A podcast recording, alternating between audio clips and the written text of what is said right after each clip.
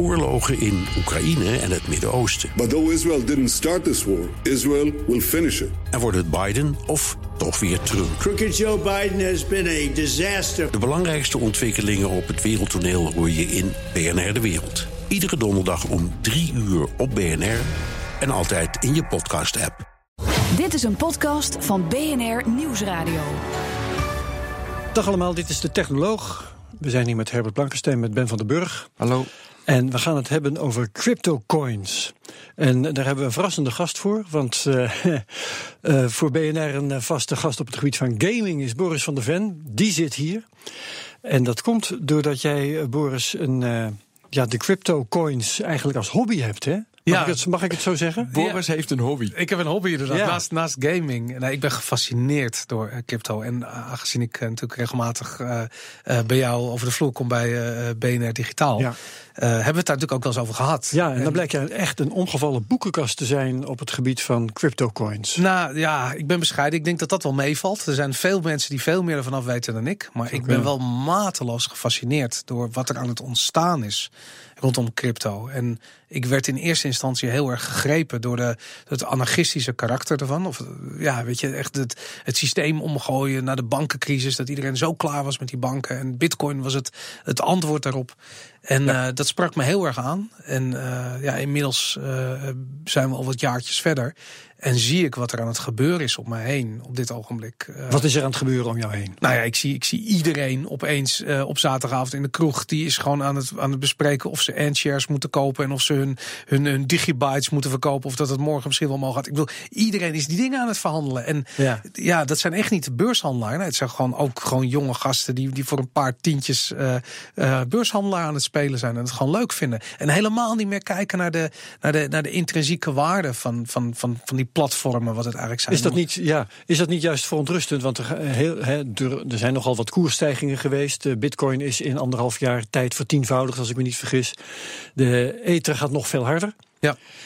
Uh, allerlei mensen springen erin met de bedoeling om snel rijk te worden. Het was geloof ik Mark Cuban, uh, bekende internetondernemer, miljardair. Die twitterde uh, als zoveel mensen alleen maar praten over hoe snel ze gratis, gratis geld komen, dan heb je een zeepbel en dat gaat niet lang goed. Ja, nou ja, goed. Dat zijn van die termen, weet je. Of het een zeepbel is, weet ik niet. Misschien ook wel, hoor. Het, het is, er is gewoon een markt aan het ontstaan. En er is vraag. En er wordt, ja. komt ontzettend veel aanbod bij, juist. Dus je zou kunnen zeggen dat er misschien uh, wel wat zeepbel-effecten zijn in, in, uh, in Bitcoin of, of in, in Ethereum. Maar uh, ja. als je kijkt naar de wat kleinere coins ja, die, die, die gaan de ene dag gaan ze 40% omhoog en de volgende dag maar dat is natuurlijk ook 20. Ja, ik wil, ja. Nee, maar kijk, er was zo'n partij, de naam weet ik niet meer, die had in 30 seconden haalden ze 35 miljoen dollar op. En ze hebben nog niks. Dus ja. dat is een andere manier om geld op te halen. Met de cryptocurrency hou je dan geld op. Ja. Dat dat natuurlijk onzin is, dat snapt iedereen. Dat kan, ja. dat, dat kan je niet serieus nemen. Dan zeg je van, je moet wel serieus nemen, want mensen doen dat. De mensen hebben er, uh, we hebben er geld voor over en die investeren erin, dus het is handig. Maar dat is natuurlijk een pure zeebel. Dat is dezelfde zeebel als een uh, tullebol, uh, tullebol in 1635 in Amsterdam, die evenveel waard is als een grachtenpand. Ja. Maar ja. dat en dat vind ik dus ook het gevaar. Denk ik, nou prima, moet ze doen. Bij jou in een kroeg op zaterdagavond dat iedereen met cryptocurrencies bezig is. En joh, om mij heen, ik word er ook helemaal gek van. Mooi, moet je vooral doen. Maar dat dat natuurlijk keer duizend kan zijn en daarna een beetje min, uh, uh, zeg maar, dus delen door duizend. Mm -hmm. Daar moet je rekening mee houden. Dat, ja. bedoel, dat is, ja. dat is de gekte. Maar jij zegt, Boris, um, sommige van die munten hebben ook intrinsieke waarde. Ja, waar, waar doel je het op? Wat is de intrinsieke waarde van een bitcoin? Wat is de intrinsieke waarde van een ether? Nou, dat vind ik heel interessant. Want uh, heel vaak hoor je dat als argument. Van het heeft geen intrinsieke waarde. Weet je, zo'n munt. Het zijn maar bits en het is wat ja. de gek ervoor geeft. Nou, het interessante is wat echt geen intrinsieke waarde heeft. Dat is de euro. Dat, die wordt uh, unlimited bijgedrukt in feite. Het is, meer, het is een schuldbekentenis van, van de staat of van de uh, Europese Centrale Bank. die maar beperkt waarde heeft. Ik bedoel, de, de, de, de staat garandeert van alles en nog wat. Maar als als de bank failliet gaat, dan ben je maar tot 100.000 euro uh, verzekerd, bij wijze van spreken. Um, en ze drukken nu 80 miljard bij, nog in de steeds. Maand, ja, in nog, de maand. Dat is gek. Nou ja, je kunt je afvragen, de huizenprijzen die je in Amsterdam ziet, is dat nou, is dat, zijn dat de huizenprijzen die zo, ja, zijn? geld? Of is het, is het de waarde van de euro die eigenlijk onderuit getrapt wordt? Ja, dus goed, dus je kunt je vragen, daarom, je kunt je vragen, wat, wat, wat is de intrinsieke waarde van, van alle valuta? Maar ja. bij uh, Bitcoin, dat is heel interessant. Uh, daar zit uh, namelijk de waarde van het netwerk wordt uitgedrukt in de hoeveelheid rekenkracht die er is. Dat kost energie om die rekenkracht toe te passen. Um, hoe groter dat netwerk is, hoe veiliger het netwerk is. Want als hacker zul je altijd 51% van het netwerk moeten controleren om te rare kunnen, dingen te kunnen om rare dingen te kunnen doen. Even, even hier stilzetten, want wat is dat netwerk? Er, er stellen mensen hun computers ter beschikking om dat Bitcoin-systeem te laten functioneren? Ja, in feite, in feite is natuurlijk de, de blockchain is gewoon een database die ja. uh, op ieders computer draait. En dat is distribueerd. Ja, en als je dan ook nog uh, meewerkt aan het netwerk, door die berekeningen uitvoert, dan ben je aan het minen. Dan word je voor beloond in de vorm van de cryptocurrency aan wiens netwerk je, je bijdraagt. En uh, ja, die beloning, uh, dat heet minen, maar in feite ben je gewoon transacties aan het controleren. Ja, maar goed, er zijn dus partijen, ik, ik heb begrepen dat er vrij veel in China zijn bijvoorbeeld, die doen daaraan mee en die laten hun computers uh, gratis, of in ieder geval voor, voor die bitcoins die ze dan minen, laten ze in dat netwerk functioneren. Uh, nou, als je het over bitcoin hebt, dan kun je met je niet voor betaald, toch? Uh, jawel. Nou ja, goed, als je, jawel, als je, uh, laat ik zo zeggen, als, als, als, als wij hier aan tafel onze computers aan laten staan, dan minen we helemaal niks meer. Mm -hmm. Want bitcoin is inmiddels zo groot geworden, dat zijn hele datacenters die je moet bouwen, wil je daar nog daadwerkelijk bitcoins kunnen minen. En omdat dat echt een, een uh, hoe noem je dat? Dat is echt een aangelegenheid geworden van hele grote spelers. Um, daarvan zitten er uh, onevenredig veel in China. Ja. Dus dat is, uh, dat is een probleem. Ja. Die verdienen geld op twee manieren. Aan de ene kant namelijk letterlijk het minen, dus de transacties ja. controleren en in ruil daarvoor nieuwe bitcoins aanmaken uit, uit het netwerk. En op de andere, aan de andere kant verdienen ze geld aan het, het, het, het faciliteren van de transacties. Dus dat is de transactiefee die je betaalt tegenwoordig. Hè? Oorspronkelijk werd gezegd van, dat een bitcoinbetaling, dat is helemaal gratis, maar dat is veranderd. Hè? Ja. Tegenwoordig wordt daar een bedragje voor een rekening gebracht. Het is altijd al zo geweest, alleen die bedragen die fluctueren. En uh, hoe hoger jouw uh, bedrag is dat je betaalt als fee, uh, des te sneller is jouw transactie ter plaatse. En nou ja, we hebben vooral de, de afgelopen maanden situaties gezien waarin mensen echt hele grote bedragen hebben betaald om ook hele grote bedragen in bitcoin te kunnen versturen. Dus dan, dat is natuurlijk een van de grote redenen waarom je zo'n heftige discussie hebt in, uh, in de Bitcoin community. Want ze moeten opschalen. Ze moeten meer transacties aan kunnen. En ze moeten gewoon meeschalen met. Uh... De, de populariteit van Bitcoin en de populariteit van Bitcoin transacties is het netwerk boven het hoofd gegroeid. Mag je dat zo zeggen? Uh, ja, eigenlijk wel. En uh, dat is op zich, he, daar is niks mis mee. Dat, dat ligt helemaal in de lijn der verwachting dat het op een dag ging gebeuren. En uh, wat er dan gebeurt is dat je een discussie krijgt. En die wordt uiteindelijk beslist op democratische wijze door alle gebruikers en alle miners samen. En um, ja, dat gaat gepaard met stevige discussies.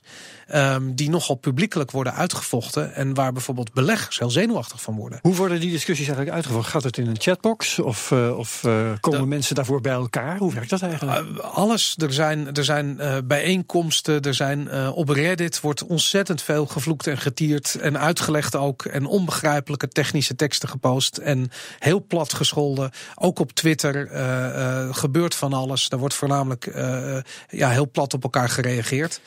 Um, ja.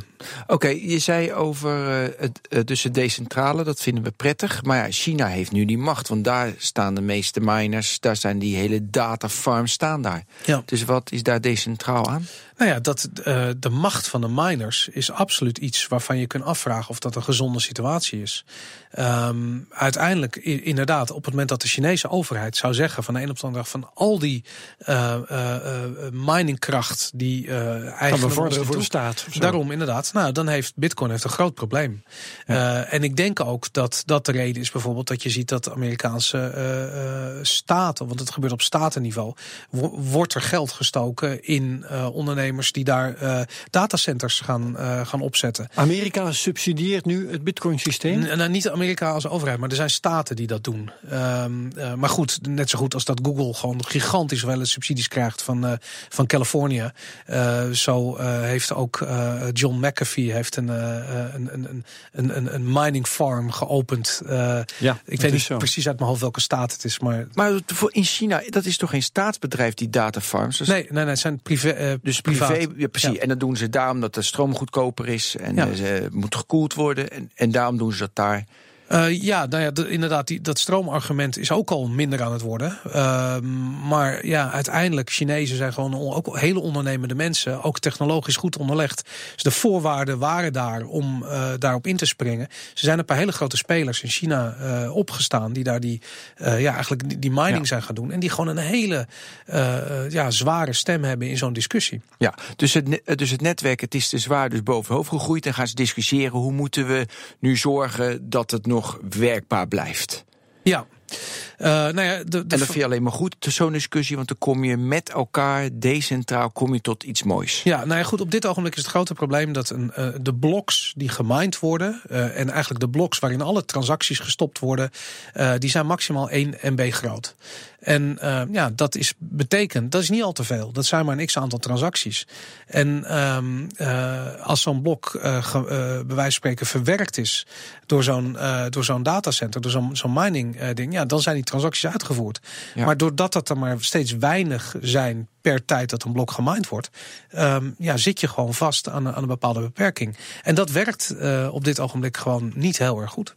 McAfee zit in Washington, de oh, staat Washington. Washington. Ja, ja. oké. Okay. Ik, kan me Niagara Falls herinneren, omdat hij daar uh, oh, heel veel energie koeling heeft. Ja, heeft koeling en energie. Dat is inderdaad. Uh, ja. Uh, ik, ik, dus ik ga mee met je. Dus in een bitcoin, daar zit nog een onderliggende waarde, mijn enzovoort.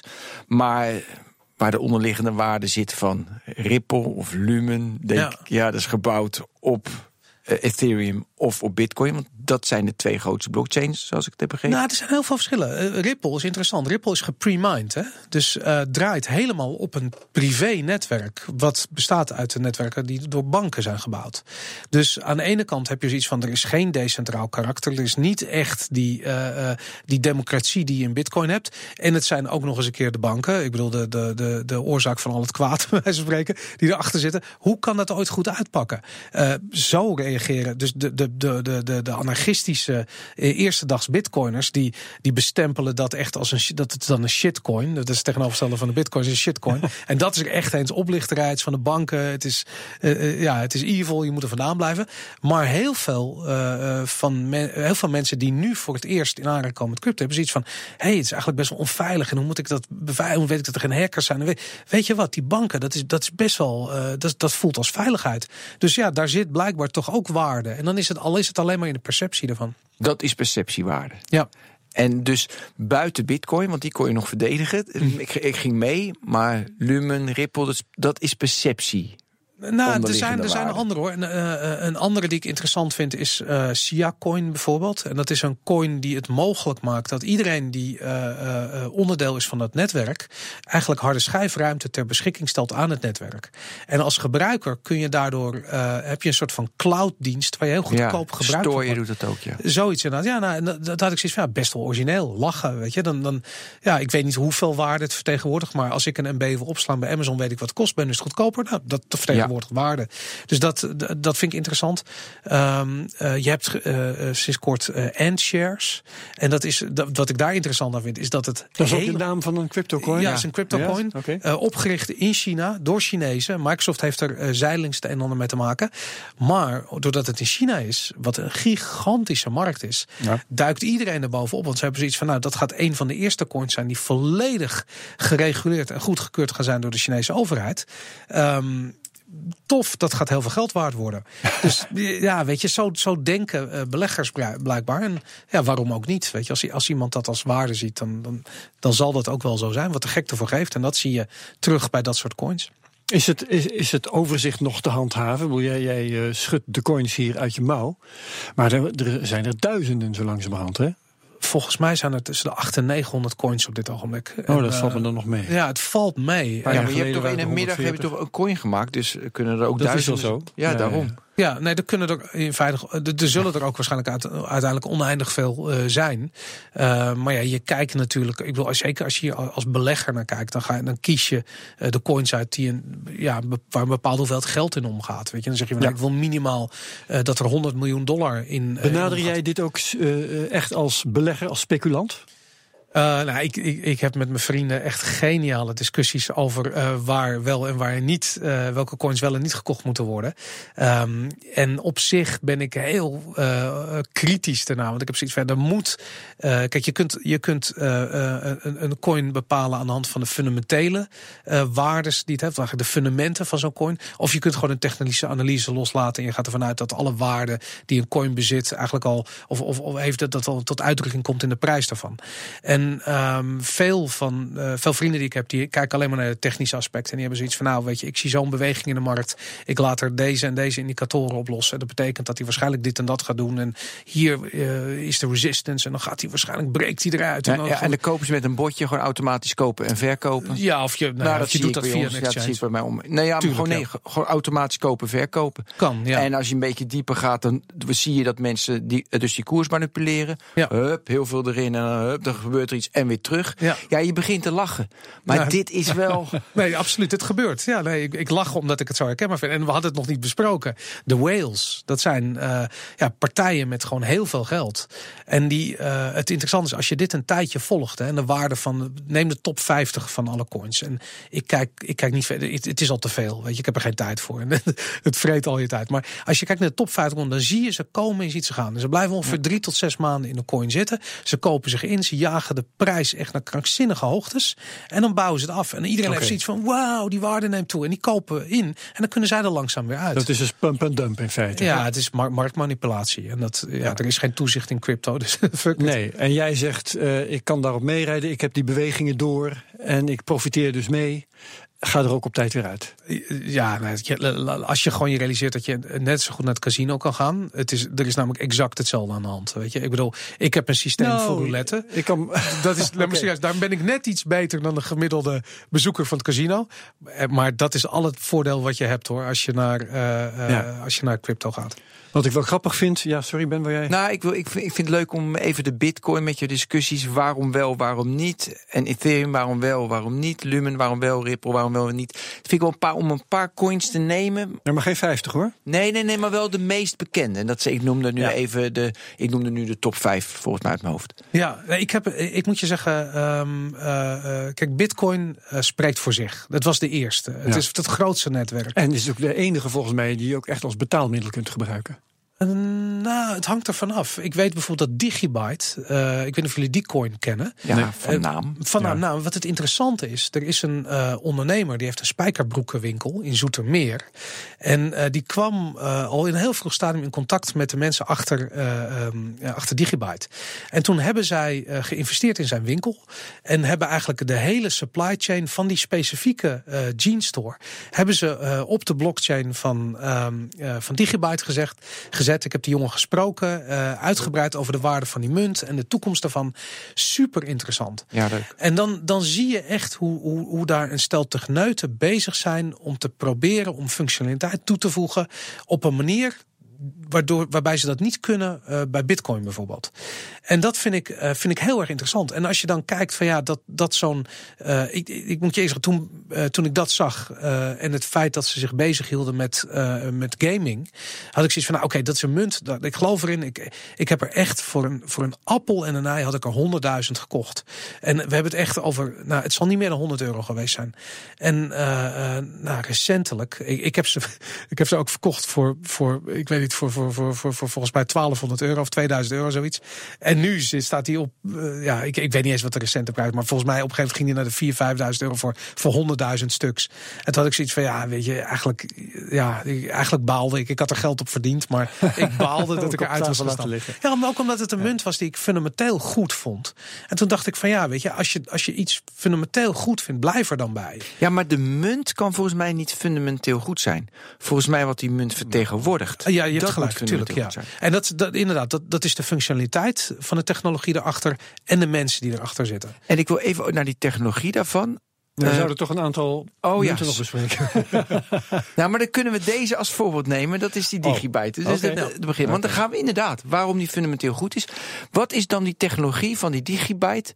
Wat zo uniek maakt, bijzonder is, waardoor die perfect is? Ja, nou kijk, in wezen is het natuurlijk een, een, een, een- project wat lijkt op heel veel andere projecten. Eh, ehm, er is een blockchain, er is een database, daarin staan de transacties. De transacties zijn snel en goedkoop.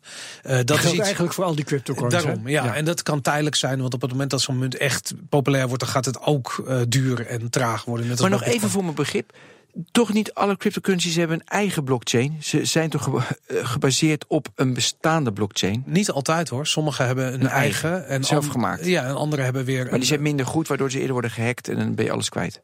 Dat is een risico wat je loopt, maar dat, dat hoeft natuurlijk niet altijd. Want als een munt niks waard is, dan, ja, dan dan gaan ze ook niet hacken. Nee, daarom. Hackers willen Ethereum en, eh, en Bitcoin. Maar je hebt gelijk dat Ethereum het toestaat om, om andere coins eh gebruik te, of eigenlijk andere functionaliteit te bouwen op, eh, op het netwerk Ja. van Ethereum. Dus ehm, ja, er is, je hebt echt een hele diversiteit aan verschillende technieken die worden gebruikt. Eh, en dat is eigenlijk alleen heel interessant voor de miners eh, eh, die erachter zitten. Omdat Ja. ja. die, die zijn echt daadwerkelijk bezig om dat netwerk te onderhouden. Oké, Ethereum, wat is, de, wat is de discussie met je vrienden? Waarom wel, waarom niet? Ehm, eh, voornamelijk omdat ze daar de hard fork al hebben gehad. Dus de discussie die je nu heel erg ziet bij, eh, eh, bij Bitcoin is namelijk dat ja, welke kant moeten we op? Moeten we opschalen of moeten we niet opschalen? Moeten we functionaliteit toevoegen? En hoe moet dat dan? Hoe ziet dat eruit? Nou, uiteindelijk dat wordt een slaande ruzie. En als je pech hebt, dan krijgen we zo meteen een hard fork en dan gaat Bitcoin twee kanten op. En dan heb je Bitcoin Classic en Bitcoin waarschijnlijk. En ehm, ja, dat is vervelend voor eh, investeerders, zou je zeggen. Eh, het is een hele onzekere periode. Stel je voor dat jij een, je bitcoins in een wallet hebt staan die niet beide varianten van de fork ondersteunt. Dan ben je je coins op één van die twee netwerken ben je kwijt. Ja, het klinkt een beetje abstract, maar eh, voordat je ze hebt uitgegeven, heb je ze in feite eh, op beide netwerken. En dan kan je zelf kiezen op het moment dat je ze uitgeeft. Ja, dan maken ze onderdeel uit van een bepaald netwerk. Maar als investering is dat natuurlijk, ja, dat is een onzekere tijd. Dus dat betekent dat Ja. de prijs van Bitcoin naar beneden gaat. Ethereum heeft dat gehad. En je hebt Ethereum Classic. eh, en ik heb het idee altijd dat mensen dat kopen omdat ze niet snappen dat er ook Ethereum is. En dat ze per ongeluk dat kopen of zo. Ik weet niet of dat zo is. Ehm, en je hebt ja, een, een, een, een, een, een nieuwe variant. eh, ja, die, die, die, die, groot- heel goed doet. Ja, en gewoon hele grote technologische voordelen heeft. En ik kan ze je niet allemaal opnoemen. Behalve dat ik weet dat je als ontwikkelaar gewoon een groot eh, onderdeel kan zijn van het netwerk. En daar functionaliteit aan kan toevoegen. Of op kan bouwen, eigenlijk beter gezegd. eh, ja, die heel veel waarde zou kunnen De creëren. grote selling point van Ethereum is volgens mij die smart contracts. Ja. Hè, dat je in feite zakelijke afspraken kunt automatiseren. Ja, ja ik heb een, op een gegeven moment een presentatie gezien. ehm, eh, en dat ging erover dat je op een gegeven moment ehm, eh, organisaties eh, decentraal kunt organiseren door middel van blockchain. Met andere woorden, je hebt niet meer een bedrijfspand waar iedereen zit, maar mensen zitten verspreid over de hele wereld. Je maakt bepaalde afspraken met ze, bijvoorbeeld van nou, we maken twee podcasts op een dag of drie of vier of whatever. En aan het eind van, er is aan die vraag voldaan, dan wordt er direct betaald. Eh, ehm, weet je, alle afspraken die je binnen een organisatie hebt, kun je decentraal regelen door middel van, van Ja. dat soort technologie. En dat vind ik heel interessant. Ik bedoel, dat is de toekomst van ondernemingen. En dat, dat zie je namelijk ook bij, bij game studios, zie je dat ook al. Dat mensen hoeven niet meer bij elkaar te zitten. Ze kunnen over de, over de wereld verspreid zitten. Maar het organiseren van dat soort projecten, eh, dat, dat, is- dat, dat is hoofdpijn. En dit soort eh, technologieën zouden het mogelijk kunnen maken. Dat, dat is organisaties ehm, ja, decentraal eh, georganiseerd worden. En dat, ja, ik zie je kijken. Het, het is een heel abstract idee. Ja, ik probeer het echt. Ik probeer nu een organisatie voor me te zien en wat de blockchain mij zou helpen als ik decentraal georganiseerd ben. Ja, nou, ik, kan, ik kan je het voorbeeld ook niet direct geven. Het klinkt ook maar- een beetje, moet ik eerlijk zeggen, als ehm, eh, eh, iemand die het internet probeert te verkopen 20 jaar geleden. Ja, Ja, ja, maar ja, dan, hoef je niet meer met je bedrijf in één pand te zitten en zo. Ja. Dat hebben we toen ook gehoord. En Ja. bleek, bleek erg tegen te vallen. Nou, maar ook de, de, het zoeken naar de voorbeelden maakt dat je eigenlijk uh, uh, uit de, de, de, mogelijkheden van de technologie probeert te vertalen naar wat we nu, zoals we nu gewend zijn te werken. En als je kijkt naar videogame design, daar heb je wel degelijk binnen een, binnen een ontwikkeltraject bepaalde milestones die gehaald worden door verschillende afdelingen. Dus de mensen die bezig zijn met het ontwerpen van de 3D-wereld hebben eigenlijk een heel andere taak dan mensen die bezig zijn met de kunstmatige intelligentie uit te werken of het schrijven van het verhaal. Dus die dingen zouden allemaal decentraal van elkaar kunnen plaatsvinden. Uh, mits je een manier hebt om dat te organiseren en, uh, en te zorgen dat die communicatie goed loopt. Nou, daar zou je dus een, een blockchain-achtige applicatie voor kunnen gebruiken. Ja, hoe, hoe leg jij Bitcoin uit aan je oma? Niet. Ik probeer dat niet Aan je moeder? Nee, ik vind het vreselijk. Het is net als Twitter. En die gaan dan zeggen: maar wie wilde weten dat ik cornflakes eet ochtends? Want je krijgt dat soort discussies. Dat is verschrikkelijk. Nou ja, ik, ik denk wel, willen wij. Uh, wil het inderdaad groeien, groter worden, dan, dan is het wel nodig dat je het wel uit kan leggen aan je oma of aan je moeder. Maar weet je wat ik doe? Ik laat ze zien wat Bitcoin vorig jaar waard was en wat het nu waard is. Ja, maar dat is, het is heel plat. Ja, maar het is heel plat. te plat. Maar dat is wel waarom iedereen nu die crypto ingaat, omdat ze gewoon denken snel rijk te kunnen worden. weet, je, weet je hoe ik het mijn vrouw heb uitgelegd? Dan zeg ik, had, bij ons thuis kwam het natuurlijk wel vaak, vaak genoeg ter sprake. En uh, ja, ook telkens uh, glazige blikken. Uh, tot ik een keer uh, voor haar iets heb kunnen kopen in Amerika met gebruikmaking van bitcoin. En niet alleen ging dat sneller, zij zat daarbij. Niet alleen bleek dat sneller te gaan, maar het bleek ook nog eens veel goedkoper te zijn. Ja. Als ik in bitcoin betaalde. Hm. En uh, sindsdien nou, begrijpt zij het in ieder geval. En heb ik ook voor haar wat mogen beleggen. Ja, ja. ik heb dat maar de blockchain leg je ook niet uit aan niemand.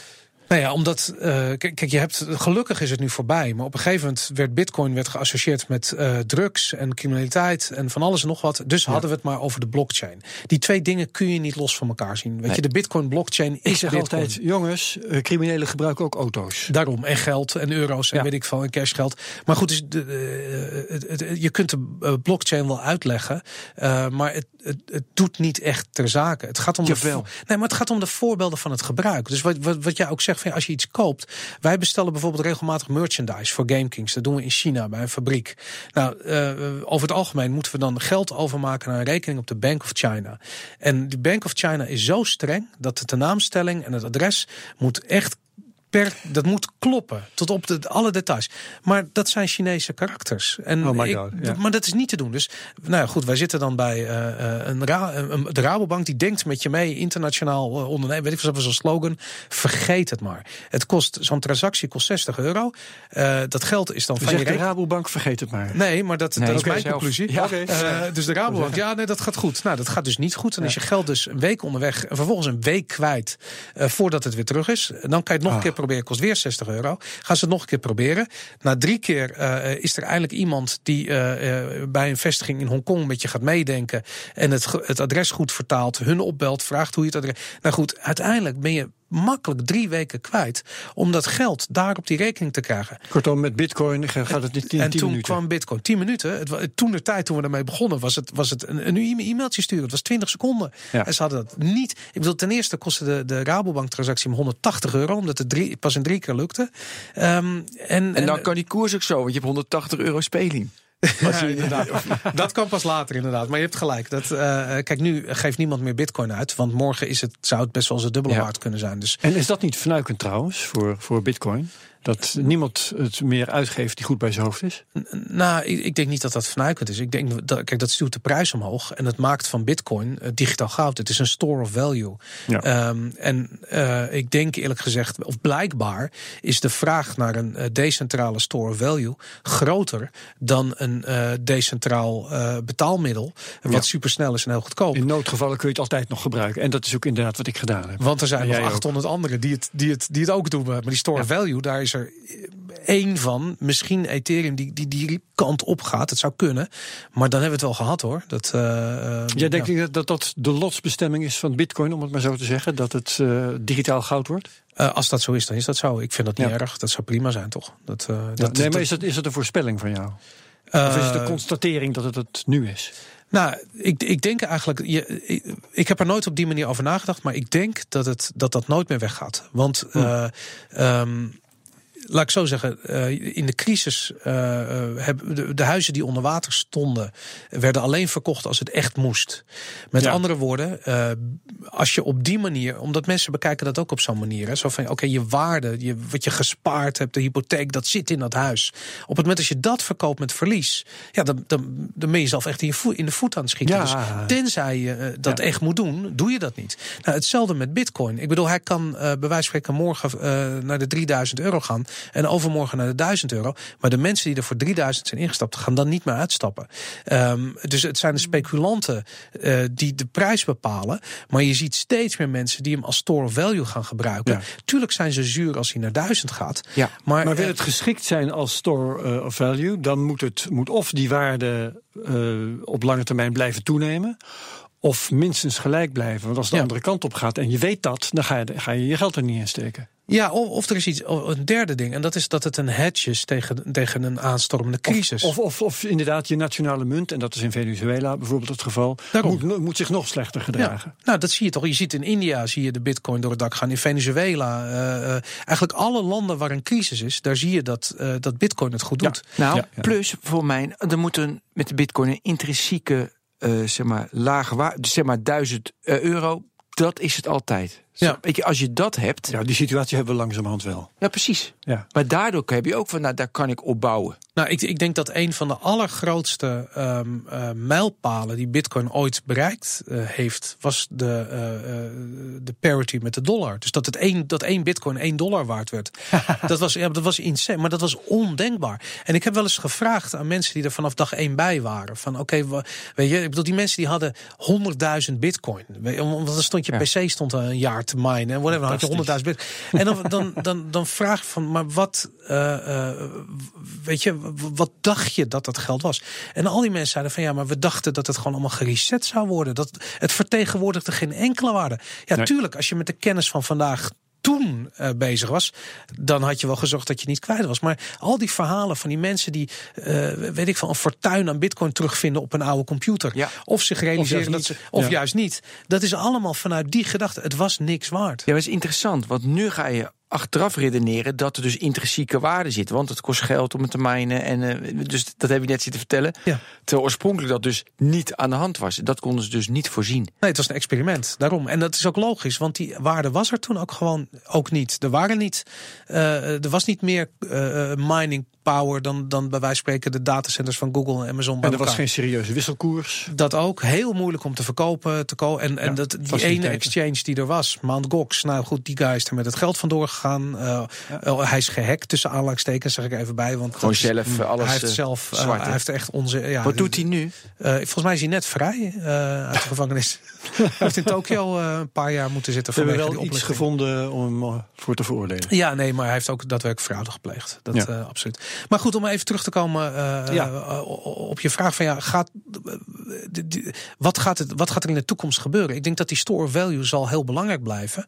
Um, en ik denk dat steeds meer mensen gaan zien dat Bitcoin of een goede belegging is, of een veilige store value. En die twee dingen gaan hand in hand. Ja. Um, en ja, als dat gebeurt, er zijn al een aantal analisten geweest, echt vooraanstaande mensen, investeerders van Snapchat, grote analisten van PwC, PricewaterhouseCoopers, die allemaal gezegd hebben van het is heel erg in de lijn der verwachting dat we tussen de 5 en 10 jaar waardes gaan zien van een bitcoin tussen de 500.000 dollar en 1 miljoen dollar. Goedemorgen. Maar dat bedoel ik, het is net zo krankzinnig eigenlijk voor ons nu hier als dat het idee ooit was dat een bitcoin 1 dollar waard zou zijn. Ja.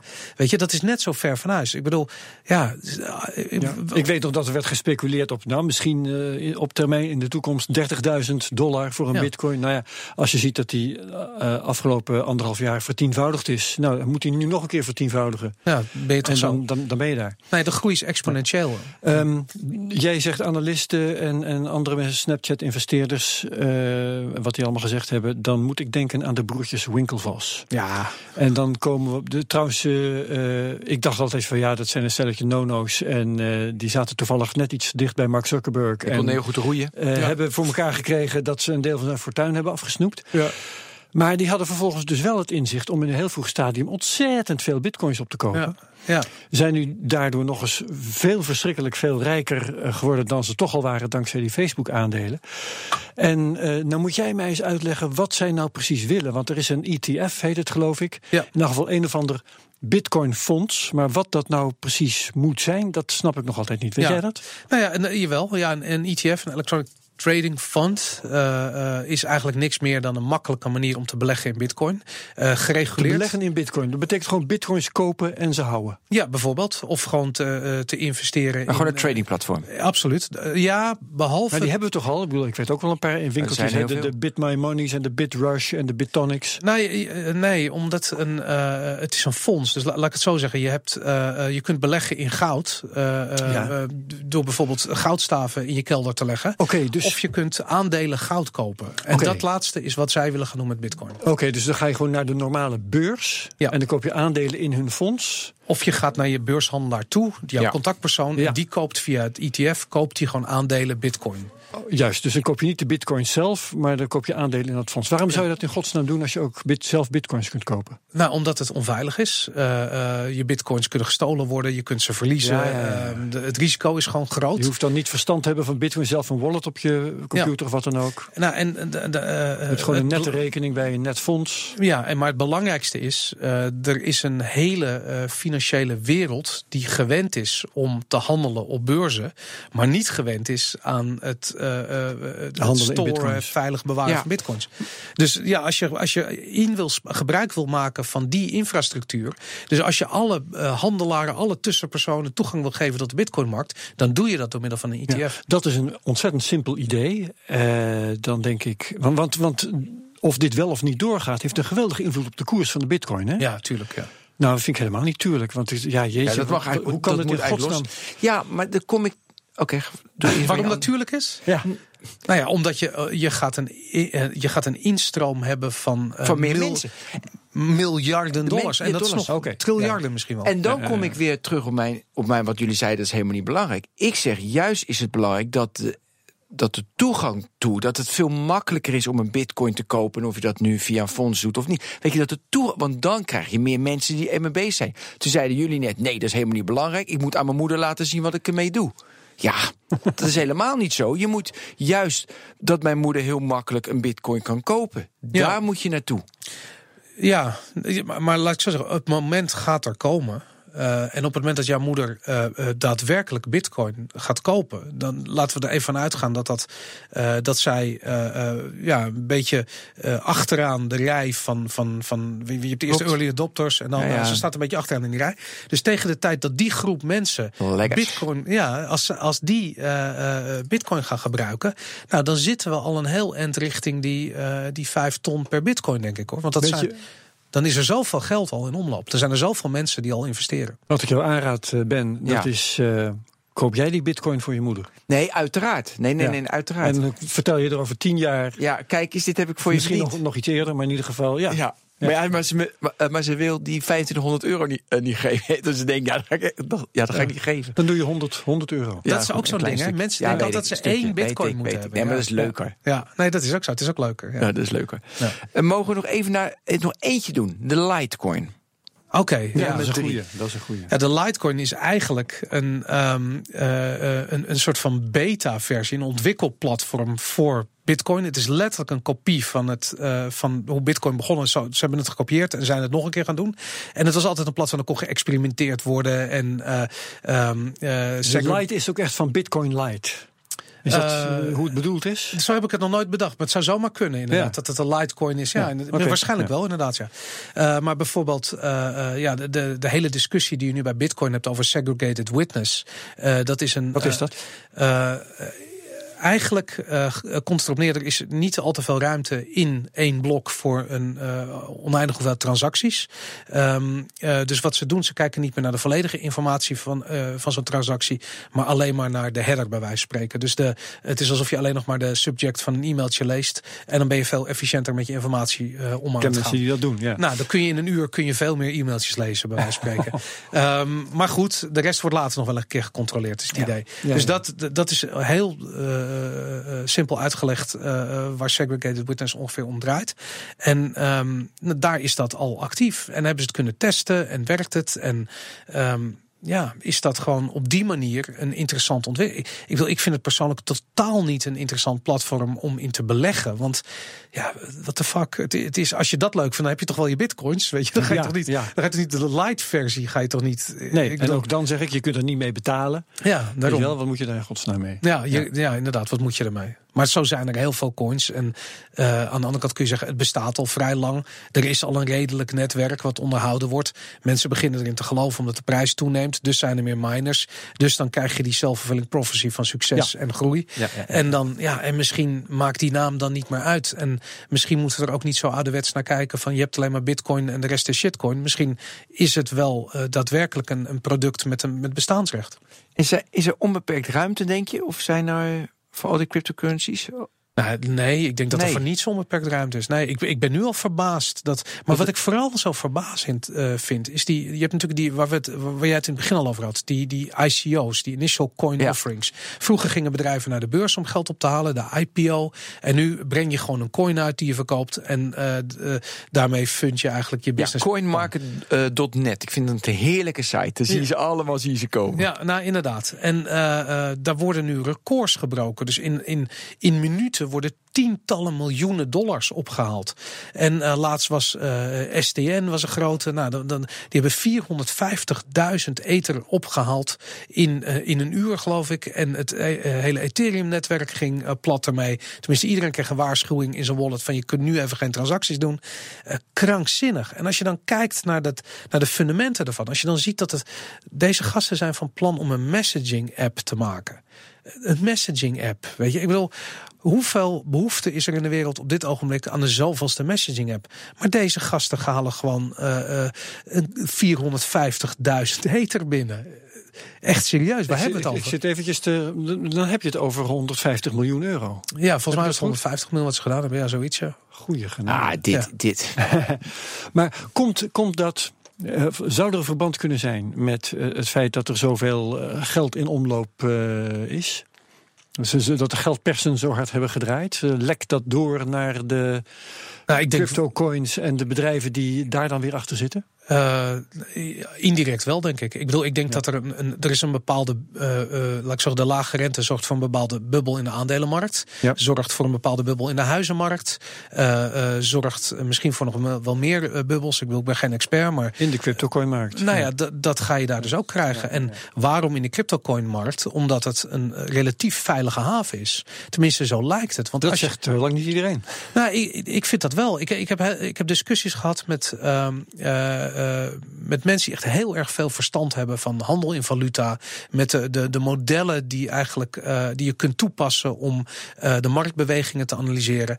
En ik had zoiets van ja, hoe kun je bestaande modellen loslaten op een, op, op, op, op een munt of op eigenlijk op een, op een asset.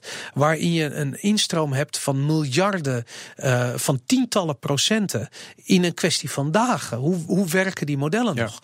En toen werd me verteld, um, je zou kunnen zeggen dat de modellen niet meer werken, maar ze werken nog wel. Ze werken alleen in een andere timeframe. Dus je ziet de bubbel en de burst en de correctie in een kwestie van twee dagen tijd. Terwijl uh, de, de oldschool beurshandelaren die zitten te kijken en die hebben zoiets van nou, er komt binnenkort komt er een crash aan. En uh, waarschijnlijk gaan we dan een, een, een, een, een periode in van, uh, van, van enige stabiliteit. Ja, leuk. Dat gebeurt in een weekend. Mm -hmm. En dan vervolgens op maandag dan gaat hij weer, gaat hij weer naar de 3000 dollar. Ja. En dat is insane. Dat is bizar.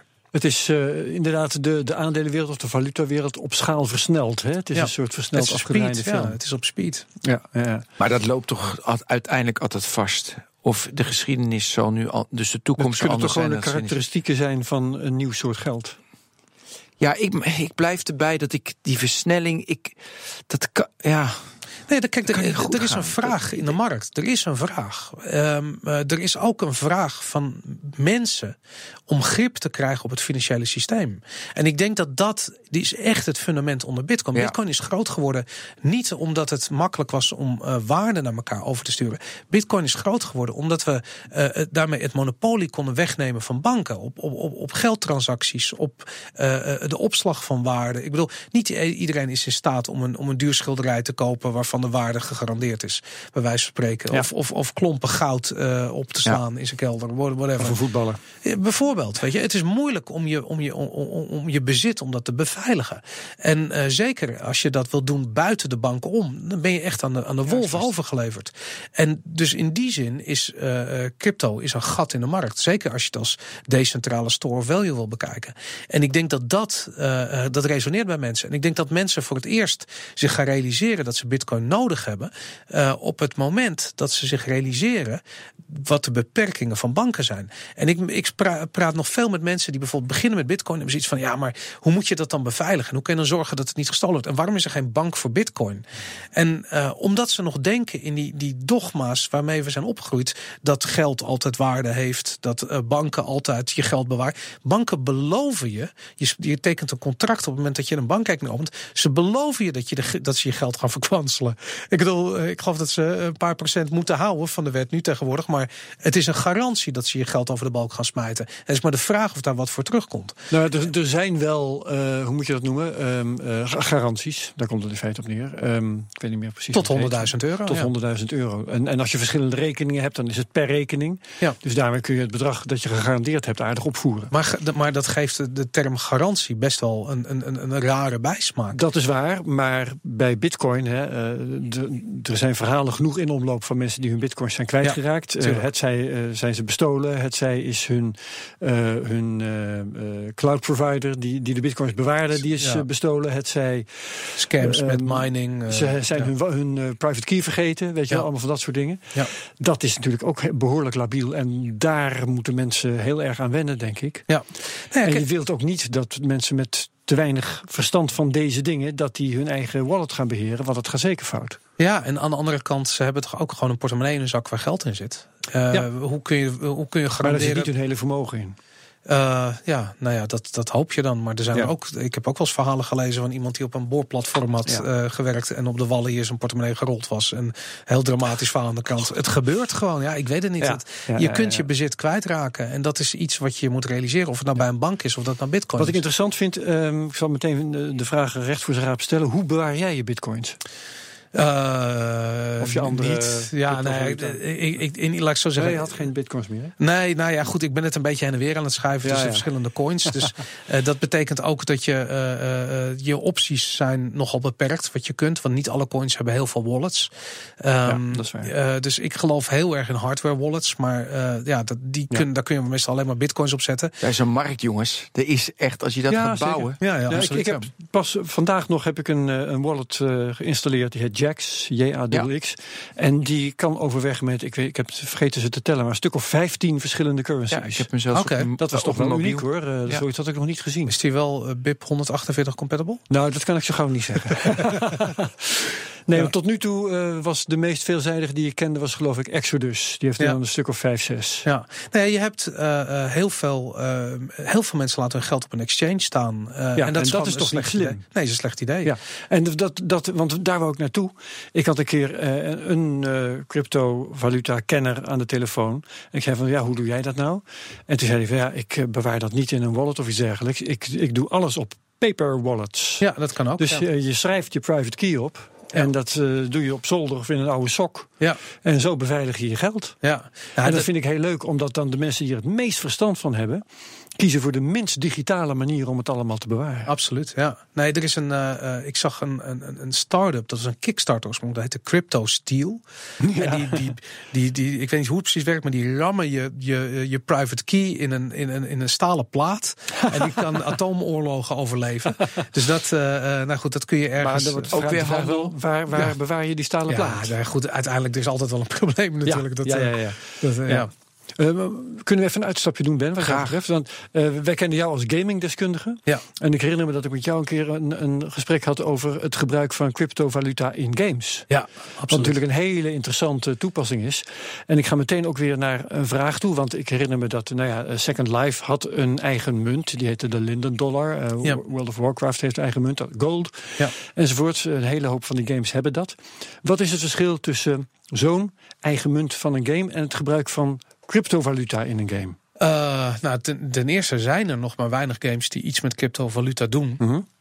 Eh, Minecraft was het Minecraft voorbeeld, het. geloof ik. Nou, ja, ja, Minecraft doet het wel. Ja, Volgens mij Ripple, maar dat eh, Nee, Minecraft doet het niet. Wat, wat je had is dat. zijn ze van eh, plan. Of? Nee, er is een, eh, eh, ge- gewoon een, Minecraft-fan geweest die ook Digibyte-fan was. En die heeft zelf een server opgezeten. het, ja. En daarin kun je dus eh, eh, ja, diamanten minen in de game... die dus Ja. weer ge- ingeruild kunnen worden voor Digibyte. Leuk. Het is een heel leuk project. Maar het interessante is dat toen dat... Wat, het is echt een hobbyproject. Door, een, ja, door iemand, een dame, die gewoon Minecraft-fan was... en dat gebouwd heeft. Zij was technisch onderlegd, ze heeft dat gebouwd.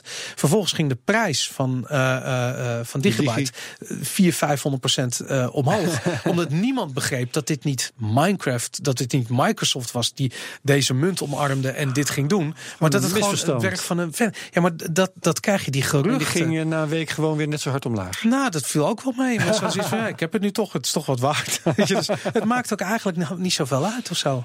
Eh, maar ik, om even terug te komen op je, eh, je vraag. eh, Ja. de, eh, waarom ik gaming en, ehm, en crypto zo interessant vind. Kijk, in eerste instantie kun je gewoon hele kleine transacties doen voor nagenoeg geen geld.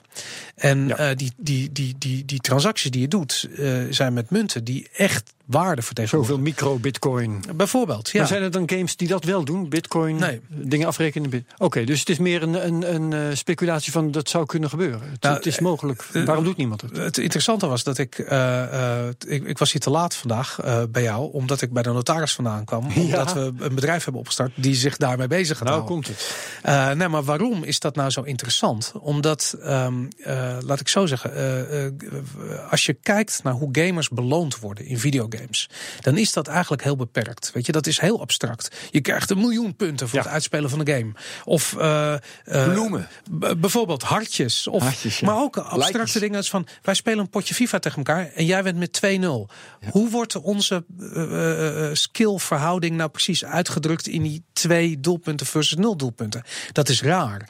Maar wat als je daar een, een laag bovenop kunt leggen en je kunt zeggen van nou, weet je wat, er, er volgt een eh, beloning die bijvoorbeeld financieel kan zijn op het leveren van een bepaalde prestatie in een videogame. En dan, eh, eh, dan heb je een heel interessant gegeven. Los van de transacties is het net als vroeger, bij wijze van spreken. Ja, tientje in- inzetten als je gaat kaarten. Maar dan ga, dan ga je wel naar de gamblinghoek. Ja, behalve dat bij videogames ehm, eh, ehm, eh, is die strijd eigenlijk, of die discussie al gevoerd eh, over de rug van e-sports. En e-sports, kijk, op het moment dat je aan het kaarten bent, kun je zeggen dat de kaart die je krijgt, die jou de winnende hand geeft, dat is toeval. Dat maakt het gokken. Eh, op het moment dat wij tegen elkaar, eh, bij wijze van spreken, een potje voetballen in het park en we doen dat eh, om een tientje, dat zijn echte skills. Dat is geen gokken. Dat is gewoon, jij bent beter dan ik. Dus je wint. Dus je wint dat geld. E-sports hebben eigenlijk die discussie al gevoerd. En, je, en, Ja. en er is gewoon al bepaald van gaming is een sport. Ja. En op het moment dat er een financiële beloning volgt voor het leveren van een sportieve prestatie, nou, dat, daar kijkt niemand meer van op vandaag de dag. Precies. En dat doe je dan in, in een cryptocurrency. Ja, inderdaad. Dat zou het mogelijk maken om eh, eh, gamers over de hele wereld tegen elkaar te laten gamen. eh, in toernooien, prijzengeld te laten winnen. die direct wordt uitgekeerd. maar ook omstanders, referees, teamleden direct te laten meedelen in ehm, eh, ja, de winst die je behaalt. En dat ga jij faciliteren. ja, dat gaan we faciliteren.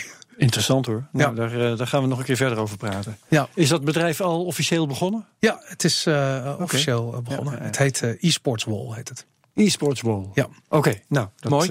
ik wil ook nog, wat voor scenario heb je met al die verschillende cryptocurrencies? Hoe gaat dat zich uitbalanceren? Wat blijft over? Hoe betalen we dan? Verschillende landen gaat het niet meer om. Ja, ik, ik denk dat Wat er. Laat ik zo zeggen, ik denk dat er een, een, een, eh, op een dag dat, dat die spectaculaire groei een beetje eindigt. Eh, dan denk ik dat er een, een, een. Er gaat echt wel een bubbel knappen. En ik denk dat er heel erg veel van die, van die coins die onderaan de ladder zijn, die zullen, ja, die zullen hun waarde verliezen. Mensen zullen daaruit weggaan en zullen naar de top 10 of top 5 van cryptocurrencies gaan uiteindelijk. Eh, en dat zullen currencies zijn die echt daadwerkelijk functionaliteit bieden. Eh, of een heel groot netwerk hebben of functionaliteit bieden. En eh, ik denk dat die coins die gaan ontzettend in waarde toenemen. Want die vraag zal altijd blijven bestaan. Ja, maar, dat maar bestaat dan naast de dollar en de euro. Ja, dat denk ik wel. Ja, het, het wordt letterlijk een, een, een store of value. eh, zoals goud dat is bijvoorbeeld. En eh, ik denk dat er heel veel landen zijn waarin eh, die knoop nog moet worden doorgehakt. Het was een heel belangrijke move op een gegeven moment dat wij in Europa besloten hebben om geen BTW te heffen op het aankoop van cryptocurrency. Dat, dat, dat effende eigenlijk de weg vrij voor het succes. Hetzelfde wat is in Amerika gebeurd natuurlijk. Maar in India zijn ze die discussie nu pas begonnen. Nou, dat is een gigantische markt. Op het moment dat je zeker weet dat je daar geen BTW meer betaalt, dan ben je klaar. Weet je? En zo zijn er andere landen waar, waar ook nog dat soort eh, eh, ja, obstakels moeten worden genomen. Maar dat is als je geen BTW. Ik zit ineens te denken, als ik dus goederen koop in Bitcoin in Europa, hoef ik geen BTW over die goederen. Nee, te wel, de, de transactie. Maar als je de bitcoin zelf koopt. Dus als, Oh, nee, jij, precies. Ja, als, nee, als nee. jij een kilo Ja. goud koopt, dan betaal je daar BTW over. Ja. En dat, daarom zitten al die bedrijfjes dat op zullen ze Schiphol. ook wel veranderen hoor, denk ik. Nee, nee, nee, dat wordt nooit veranderd. Dat is al juist. Daarom zitten die bedrijfjes op Schiphol. Want het goud ligt achter de grens. Dus je, je neemt het niet mee, maar je slaat het daarop. Je zou het kunnen ophalen als je wil. Maar ja, die BT, dat BTW-argument, 21% op, op duizenden, dat is natuurlijk dat is nogal Ja. wat. Dus dat, eh, ja. Hebben we Wat nog nog iets? meer? Eh, nou, we hebben nog wel eventjes hoor. Eh, heb ik nog iets? Misschien niet zoveel. Gewoon uitgepraat over kijken, hoor. Nee, nee, dat gaat Ja. eeuwig door. Wel- Welke, welke munt hebben jullie allemaal? Oh, ik heb, eh, ja, ik ben een hele flauwe. Ik heb natuurlijk een Bitcoin. Ik heb eh, Ethereum. Wa- Wanneer ben je begonnen met die bitcoin? Ik heb een stukje op 1000 euro en ik heb een stukje op 1500 euro. En eh, dus ik heb nu weer, ik heb, ja, moet ik even kijken, ik heb mijn holdings. Ik heb ja wel wat winst nu natuurlijk. Eh, totaal Heel nonchalant wat winst. Dat, ik wil als belegger, dat is toch fantastisch. Nee, maar Ik kijk, ik neem dit. Nee, maar met ik neem, Philips aandelen? ik- nee, maar ik doe dit natuurlijk alleen maar met geld dat ik gewoon echt kan missen. Ja. Weet je wat? Dat ik geen, geen seconde wakker van lig. Ja. Dus ik heb 100.000 euro. Nee, nee heel weinig. Nee. Eh, nou, en dan heb ik, eh, heb ik Ethereum, heb ik Litecoin. En wanneer ben je met Ethereum begonnen? eh, toen ze op 80 stonden. Is grappig, want dat was namelijk het moment waarop die echt in, de, eh, in het nieuws kwam. Ja, ik, ik, was laat, ik was veel te laat, joh. Maar dankzij Ja, maar dat zeg je achteraf. Misschien Nee. ben je wel precies op tijd. Nee, maar collega's, die hebben hem echt op 20. Hè. En ik met Litecoin, waar de, waar de collega's zat nu op 40, die hadden hem op 2. Toen zei ze, Ben, koop nu, koop nu. Ik zeg, allemaal troep, doe ik niet. Maar goed, Eh, Lumen heb ik... Maar de en- les heb je geleerd nu, toch? Dat gaat nu niet meer gebeuren. gaat niet meer. Nu koop je alles wat iedereen zegt. Ja, precies, ja. Ja. Eh, Lumen en eh Ripple. Lumen en Ripple. Oké, en Ripple nog iets vanwege die bank. Want dat bankenargument is Eh, natuurlijk wel... Eh, ja, dat, en ik, eh Ripple was had nog een reden dat ik die moest hebben. Volgens mij was het inderdaad het bank, maar het ook, maar weet ik niet meer. Het is natuurlijk ook een hype geweest. Ripple hype ging geweest. hard. En, eh, Ja. ja. in Ripple wordt ook, heb ik het idee, gemanipuleerd. In de zin van dat je ziet alle coins naar beneden gaan en Ripple niet. Die gaat dan 3% omhoog of zo. Nou ja, 24 maar wat ik in het begin zei, dus die gasten die er bij ons echt in zitten, die hebben, maar, dus die maken botjes met kopen en niet kopen enzovoort. En die gaan dus, dan zien ze dus inderdaad het, het gemanipuleer van die koersen. Ja. En dan zeg je gaaf, mooi, mooi. Ja. Maar dat is natuurlijk best wel, ja, best wel, dat is gevaarlijk, link. Eh, Als, als je het dus met geld gaat doen dat je niet kan missen. Ja, nee, dat Ja. moet je ook helemaal niet doen. Nee, Nee, dat moet je nooit doen. Maar, maar het is ook het is psychologie. Want wat er namelijk gebeurt is dat mensen zijn geneigd om te kopen op, zo'n, op het moment dat zo'n munt de lift in zit. Ja. En als jij drie dagen achter elkaar Altijd 40% te laat. groeit, zie, ja, nou, dus de kans Ja. groot dat hij daarna gaat hij ook stevig naar beneden. Maar mensen gaan beginnen dan pas in te kopen. Dus dan gaat hij nog een dag, gaat hij 40%. ge- Puur op die mensen. Ja. En ja, die dat, gaan allemaal dat zeg je, maar ik, ik heb dus eh, de, de koers van de Ether bijvoorbeeld hou ik al een tijd goed in de gaten. Op een gegeven moment had ik door dat als hij eenmaal begon te stijgen, dat hij dan vaak nog wel eventjes Ja. gaat echt met, met eh, horten en stoten. Hè? Ja, Dus ik heb een paar keer gekocht, eigenlijk tegen mijn principes, maar ik heb een paar keer gekocht toen hij begon te stijgen. ja. En eh, dat, eh, dat is goed afgelopen, zal ik maar zeggen. Ja, nou, ik, ik, ik, ik, ik, zal heel eerlijk zijn. Ik heb bij iedere keer, want ik heb voor een beginfase, beginfase, we hebben het over twee jaar geleden. Ik ben echt niet van de, van de eerste uur. Toen hebben, maar toen was Bitcoin was volgens mij 180 euro of zoiets. En toen dacht ik van, nou, ik vind het leuk, ik ga het nu eindelijk een keer doen. Dus ik kocht dat. En toen dacht ik van, nou, 180 euro, waar geef ik in godsnaam het geld aan uit? En ik wist er niet zoveel vanaf. En ik, ik geloofde wel in het idee, maar ik wist niet. En mijn vriendin zat naast me. Dat is van, koop het nou. Dus op met dat gezeik, koop het nou gewoon. en iedere keer heeft ze dat Meestal is gedaan. andersom, hè? Dat vriendinnen Ja, ja. zeggen, van kap ermee met die Maar onzin. zij was gewoon het gezeik zat, weet je. Ja. En het ging echt om weinig geld. Zoveel heb ik er ook nooit gekocht. Maar iedere keer ze zei van doe het nou gewoon. Dan, weet je, ik wil het helemaal niet over hebben. Koop het nou gewoon. En zij heeft me steeds over die drempel geholpen. En ik realiseer me dat ik van mezelf veel te veel uh, redenen kan verzinnen waarom het een slecht idee is en waarom het onderuit gaat. En ja. uiteindelijk zij heeft gelijk gekregen. Maar ja, ja. Ik weet nog dat uh, Rick Valkving, het is een uh, Zweeds politicus als ik me niet vergis, oprichter van de Piratenpartij, die zei in 2010 of zo, toen ik, toen ik net de bitcoin had ontdekt, die zei die, ik stop al mijn spaargeld in bitcoins. En de koers stond toen op 30 dollar. Oh, wow. En ik weet niet, ik heb nog eens gemaild, heb je dat nou gedaan? Ja. Want uh, binnen de kortste keren zakte de bitcoin tot 3 dollar. Ja. Maar goed, als hij het gedaan heeft en toen zijn bitcoins nog heeft gehouden, dan is hij natuurlijk spek kopen. Ja. Ja. Ik heb zelf uh, heb ik willen kopen een keer op 100 dollar. Ja. En toen uh, stak mijn bank daar een stokje voor. Ja. En toen heb ik moeten soebatten en uh, enfin, van alles en nog wat. en voordat ik dat allemaal in orde had, was de koers gestegen naar 500. Ja. Aanklagen die bank. Nou. Maar weet je wat het bizar is? Kijk, als je het niet verkoopt, als je niet uitstapt, heb je eigenlijk geen geld gewonnen nee. en geen geld verloren. Nee, dat is altijd zo, ook met aandelen. Daarom. En ik, ik ken een investeerder en die vertelde me op een gegeven moment dat hij 1000 bitcoin had gekocht voor 3 euro per stuk. En ze verkocht hij voor 80 euro. Ja. En uh, ik moest lachen, want ik had zoiets van: je had miljonair kunnen zijn, kerel. Ja. Weet je? en hij had zoiets van: nee, you can't lose making money. Hij heeft gewoon geld verdiend. En, uh, ja, wat, hij heeft 80.000 euro, weet ik veel wat hij ervoor. Uh, maar in ieder geval, hij had, um, ja. hij had gewoon geld verdiend. En ik kan er niet, ik zou mezelf niet kunnen vergeven als ik duizend bitcoins had verkocht voor 80.000 euro. Weet je, nu is het ondenkbaar dat, dat ik ooit duizend bitcoins heb. Niemand heeft dat. Het nee. is een krankzinnig vermogen. Weet je, dus dat, en zelfs als je dat geld hebt, dan koop je daar niet duizend bitcoins voor. Dus ja. dan ga je andere verstandige dingen ermee doen. Om maar dus, te zwijgen van mensen die uh, een dergelijk aantal bitcoins kwijt zijn geraakt. Ja, nee, maar inderdaad, ja, maar dat ook.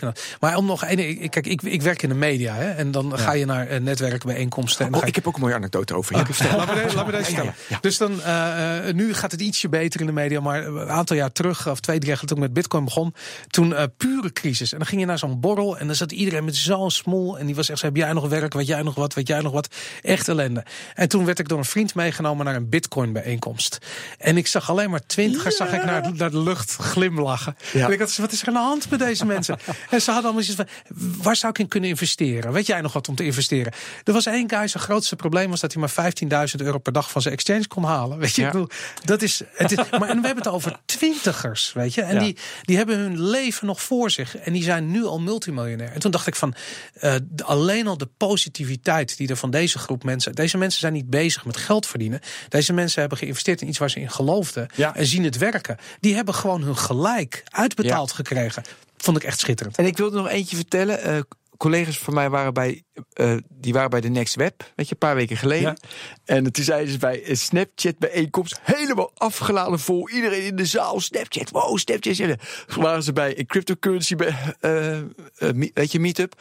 10, gewoon misschien 10% van de zaal gevuld. Niemand erin. Zo. Dus die mensen die daar dus komen, dus wij denken wij zijn uh, la, laat of niet la, laat. Nee, 10% maar gevuld de ja. Next Web bezoekers. Ja. Dus jongens, er kan nog, kan nog een groei komen die gigantisch is. Ja, maar en zeker, en dat denk je. Je denkt dat inderdaad iedereen die met technologie bezig is, ja, die omarmt het. horen. Maar, ja. maar er zijn nog heel veel mensen nog helemaal totaal niet, ook in de media dus niet. Daar moest ik aan denken. Uh, hoeveel, wil ik weten, hoeveel mensen zijn er nu wereldwijd, dat heb ik ook vorige keer gevraagd, bezig met cryptocurrency? Is dat 20 miljoen, 25 miljoen, 50 miljoen? Het zou me verbazen als het er meer dan 20 miljoen zijn. Ik denk, ik denk minder. Nou, het is weer even hoe groot het nog Ik weet het eigenlijk niet exact. Nee. Ik weet wel dat uh, uh, er niet lang geleden een artikel uh, bij QuoteNet stond. Ja, dat is ook een goed verhaal dit. Dat van alle plekken op de hele wereld waar het meeste in bitcoin gehandeld wordt, Blaricum op nummer 5 staat. Ik vond het Laat Herbert nu in Blaricum wonen. Nee. nee, nee, nee, nee, nee, daar woon ik niet. Nee. Goed. Dankjewel. Dit was hartstikke leuk. Ja. Dankjewel Boris. We hadden het over cryptocurrencies. dit was de technoloog. En we hebben we volgende week weer een. Precies. Herbert, bedankt. Tot ziens. Dank je.